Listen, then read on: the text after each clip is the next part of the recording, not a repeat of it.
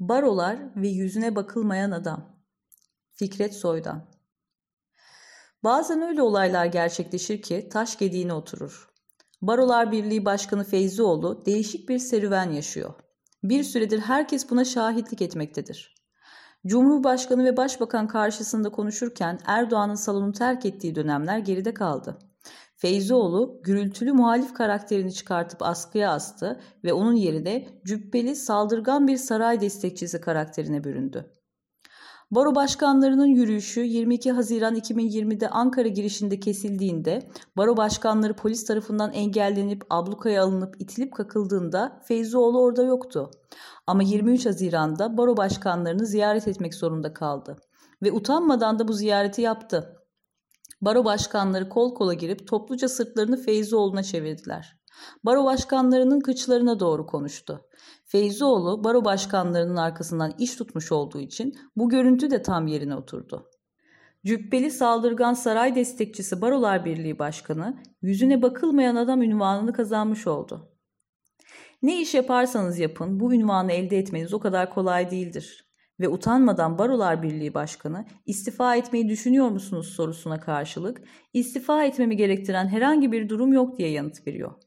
Yüzüne bakılmayan adam utanmadan istifa etmemi gerektirecek bir durum yok diyor. Oysa başkan olduğu barolar zaten kendisini istifaya davet etmişti. O da reddetmişti. Ardından barolar imzalar toplamıştı. Yani Feyzioğlu baro başkanlığı koltuğunu gasp etmiş durumdadır. Feyzioğlu Cüneyt Özdemir'in YouTube kanalında sorulara yanıt verdiğinde şöyle diyor. Biz o yürüyüşe katılmak istemedik. O da bizim hakkımız. Her dünya görüşünden insanın gittiği bir yer Anıtkabir. Evet hakkınız ama baro ile ilgili bir sorun var ve baro başkanları bir yürüyüş yapıyor. Sonunda siz onların kibarca söylersek sırtlarına konuşuyorsunuz. Diliyorum ki iş çözülür. Yürüyorlarmış şimdi. Oradan Anıtkabir'e gideceklermiş. Bütün bunlar eğer o otobüsün önü kesilmeseydi o kadar kardeşçi olacaktı ki. Herkes kendi tercih ettiği yolu izlemiş olacaktı. Yürümek isteyenler de Anıtkabir'e gelecekti. Anlaşamayacaktık belki bazı baro başkanlarıyla ama uzaktan selamlaşacaktık.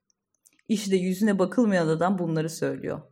Hükümetin Barolar Birliği ile ilgili kanunları değiştirme isteğiyle kendini Barolar Birliği başkanlığında kalıcı olarak sabitleme isteği birleşince baroların neyi protesto ettiğini bile unuttu. Devlet adına nutuk atmaktan avukatlık denilen şeyi unuttu. Grup yorum üyelerinin muhalif bir şarkı söylemelerini terör eylemi olarak görebilen bir baro başkanı olsa olsa saray rejimi Türkiye'sine yakışır. Öyle anlaşılıyor ki istifa edecek misiniz sorusunu bile anlamıyor ya da anlamamazlıktan geliyor. Ya akli melekelerini yitirmiş ya da kör sağır modunda bir oyun sergiliyor.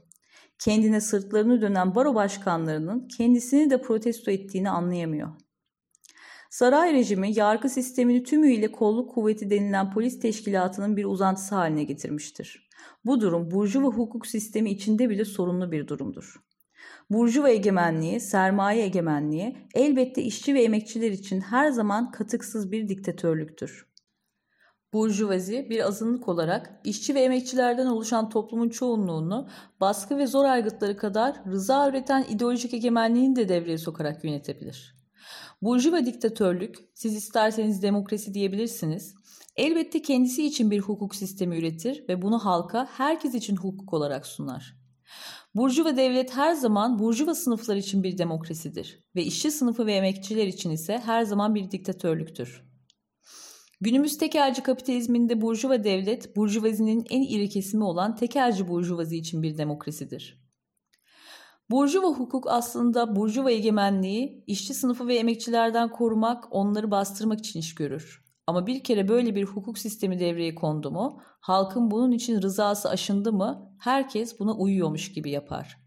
Yani bir işçi için işleyen yasalar sanki bir kapitalist için de işliyormuş gibi görünür. Mesela siz bir caddede araba ile yayaya çarptığınızda işçiyseniz başınız çok derde girer. Ama kapitalistseniz Yasalar aynı olduğu için başınız derde girermiş gibi olur. Para cezası ve benzeri yollarla kayırma ve benzeri uygulamalarla işten yırtma şansınız vardır. Mesela üst düzey bir yöneticinin oğluysanız sizin karıştığınız trafik kazası birdenbire devletin üstün çıkarları konusu haline gelir ve kaza hiç olmamış gibi örtülür.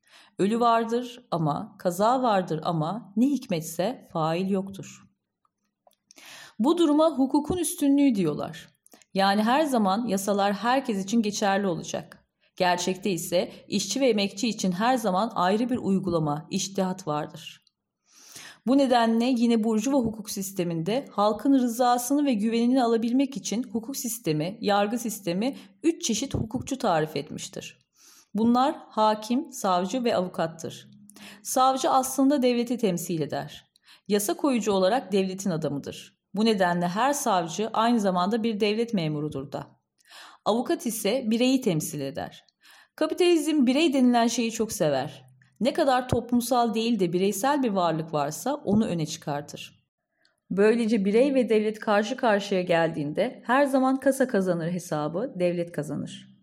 Avukat bireyi devlete karşı, güçlüye karşı, mafyaya karşı, saldırgana karşı ve benzeri savunur.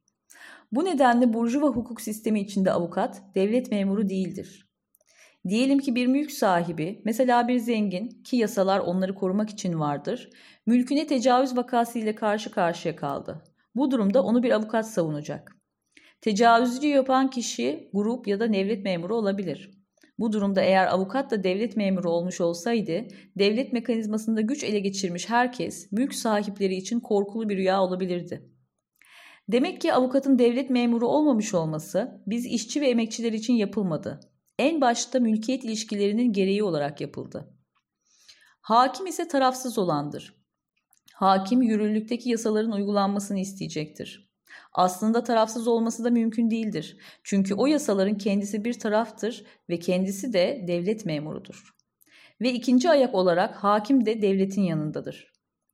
Bu durumu aşmak için bazı ülkelerde jürili yargılama sistemi vardır. Ama bu da durumu kökten değiştiren bir uygulama değildir. Jürinin seçilmesinde birçok mekanizma devreye sokulabilmektedir. Seçim sistemi üzerine yapılan manipülasyonları bilenler için jüri seçimini ayarlamak zor olmasa gerek. Mahkeme salonu burjuva hukuk sisteminde savunma için deplasman olarak tarif edilmemiştir. Her ne kadar avukat, savunma, savcı kadar hakime yakın değilse de normal şartlarda mahkeme salonu tarafsız saha olarak sunulmaktadır.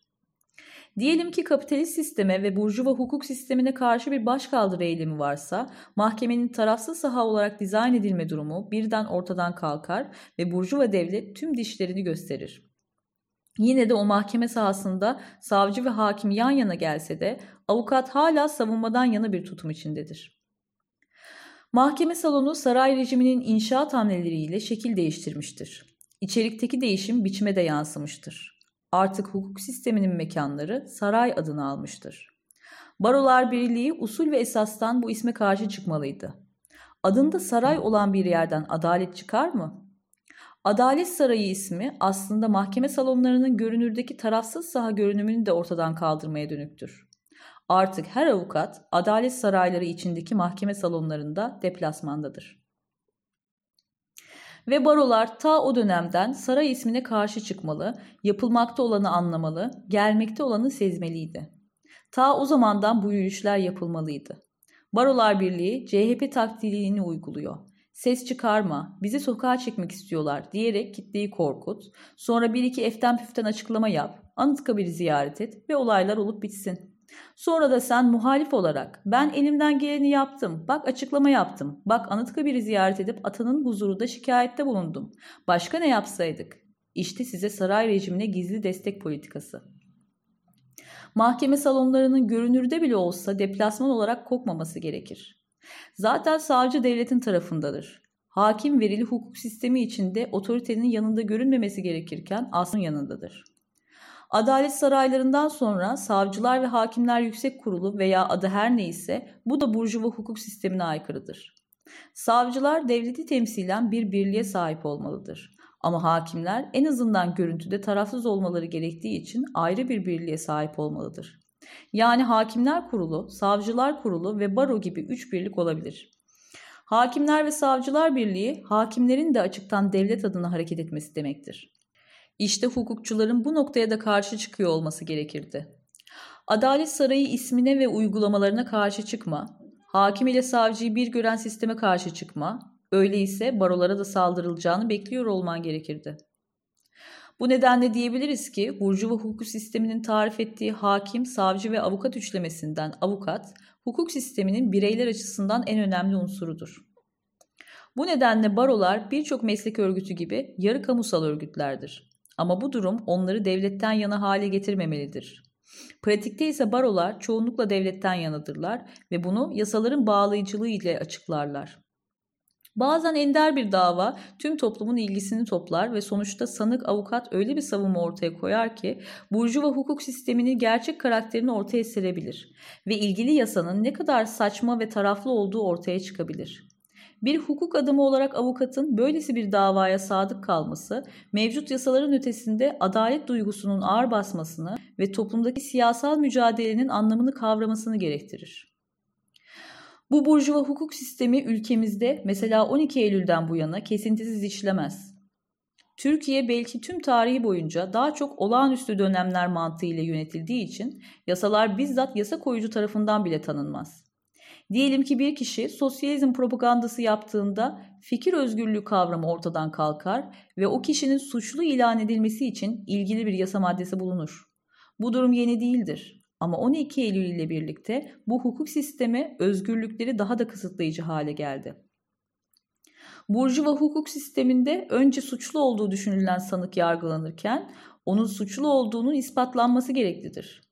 Oysa Türkiye'de tüm 12 Eylül hukuku döneminde işleyiş değişmiştir. Önce bir suç ilan edilmiştir. Suç varsa bir suçlu da gereklidir. Bu durumda suçlu için uygun adaylar bulunur. Sonra bu adaylara suçsuz olduğunu ispat et görevi verilir. Böylece suçlayan makam ispatı zorunlu olmaktan çıkarılmıştır. Onun yerine suçlanan sanık suçsuz olduğunu ispat etmek zorunda bırakılmıştır. Bu ise Burjuva hukuk sistemine ait değil, daha çok Ortaçağ hukuk sistemine ait bir uygulamadır. En azından hukuk tarihi içinde gelişim seyri böyledir. Yani evrensel hukuk değerlerine aykırıdır. Saray rejimiyle birlikte ise bu yolda epeyce daha yol alındı. Artık suç tarif edildikten sonra suçlu adayları bulunarak onlara suçsuz olduğunu ispat et denilmiyor. İş daha da ilerledi. Önce bir kişi suçlu olarak tespit ediliyor adeta yok edici irade, yok edilmesi gereken zararlıyı tespit etmiştir. Bu işi saray basını bu aşamada devralmaktadır.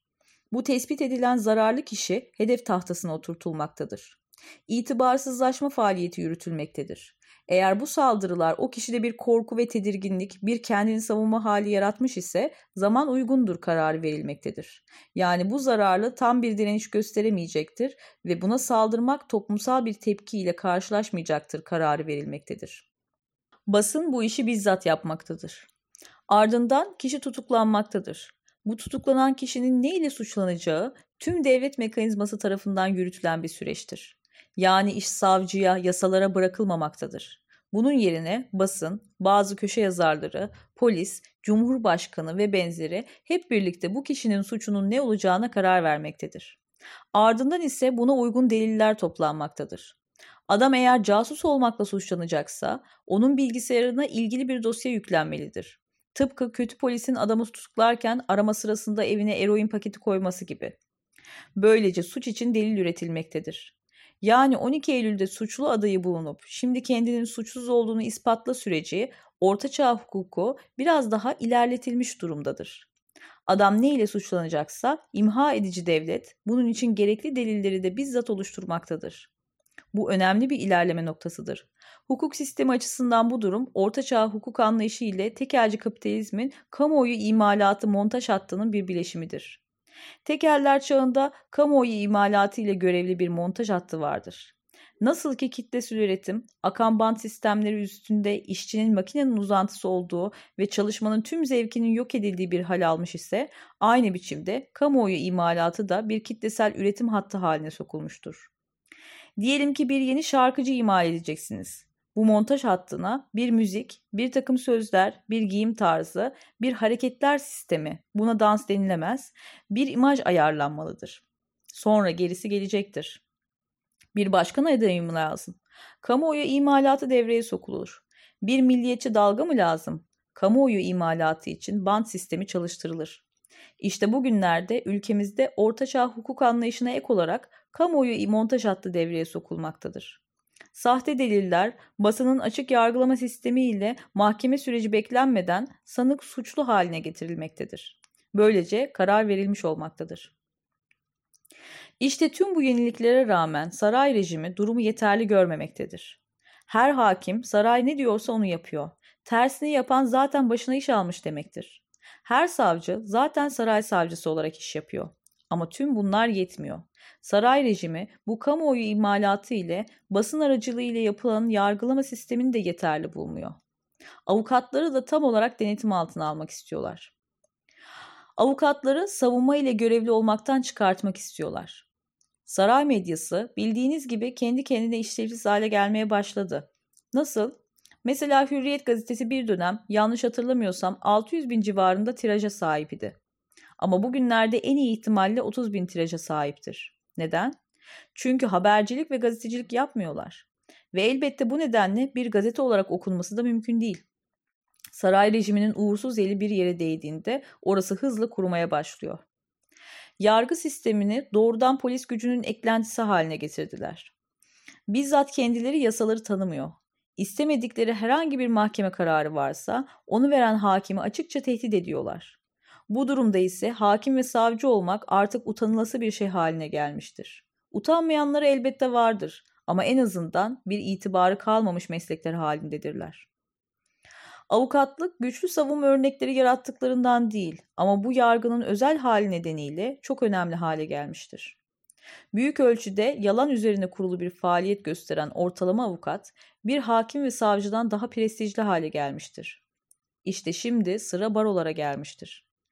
Bir gezi davasını düşünün. Burada avukatlar vardır ve kendilerinin bazı ayrıcalıkları vardır.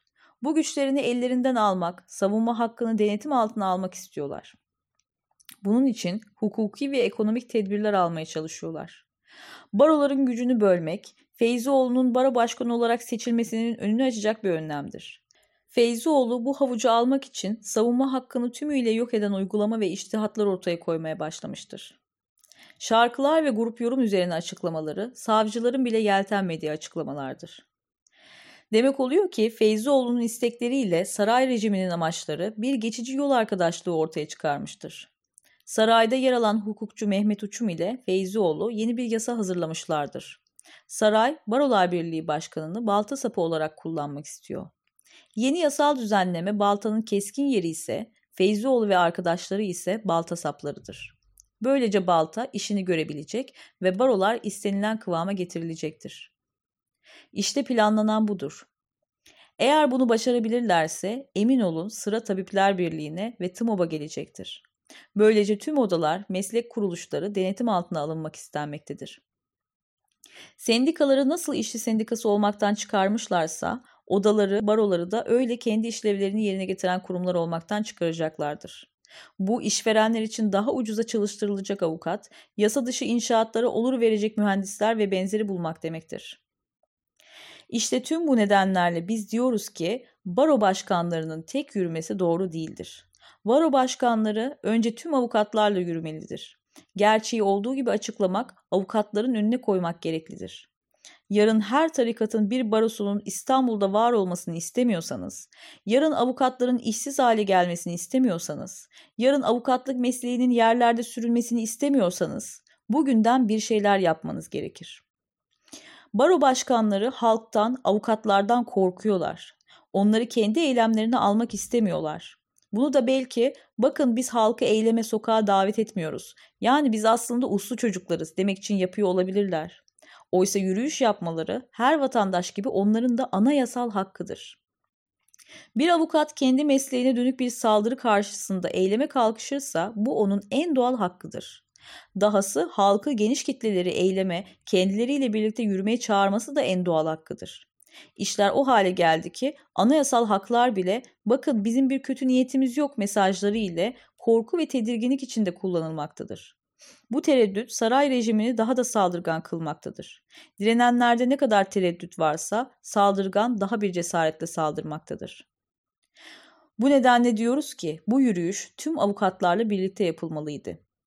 Görüldüğü gibi Baro Başkanı Feyzioğlu işte tam buna bu nedenle yürütülmeyen avukatlar üzerine konuşurken anayasanın ayaklar altına alınmasına, yürüyüş hakkına ve benzeri değinmiyor. O kendini düşünüyor. Avukatlar CHP gibi davranarak mücadeleyi geliştiremezler.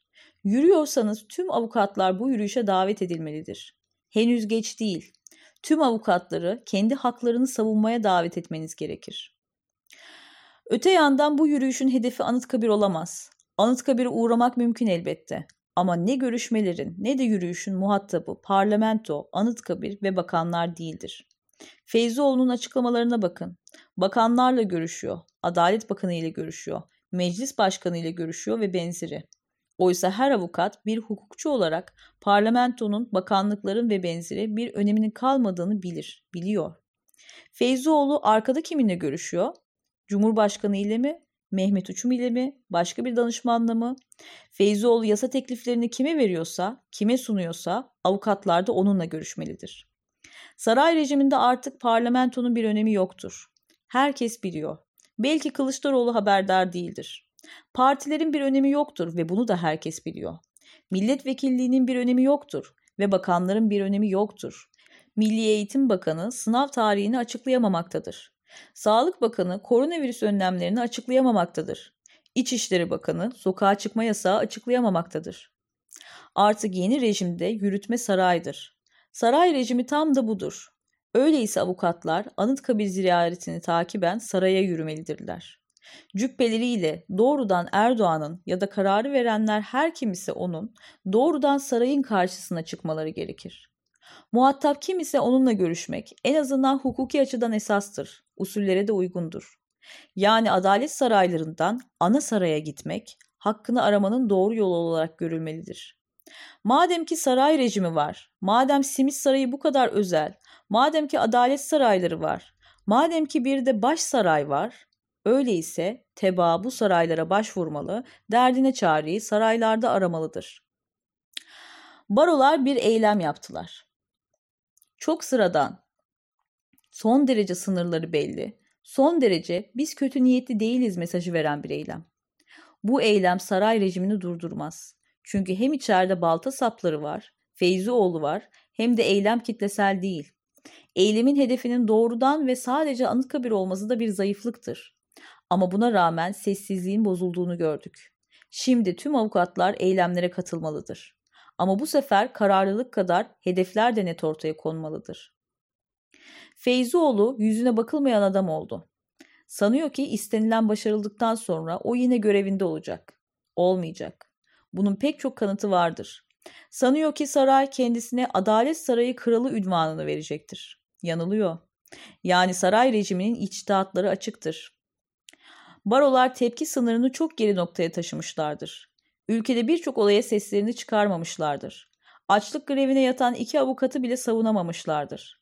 Savunma hakkına karşı her türlü saldırı karşısında güçlü bir ses çıkarmamışlardır. Avukatsız yargılamalara bile sesleri çıkmamıştır. Savunma hakkı gasp edilirken kendi işlerini yapamaz hale gelmişlerdir ve sesleri güçlü çıkmamıştır. Çok olay sayılabilir. Bunları yapmadıkları için iktidar onlara daha net bir tarzda saldırmaktadır. Soruyu şöyle soralım. Neden saray rejimi avukatlığı tamamen ortadan kaldırmıyor?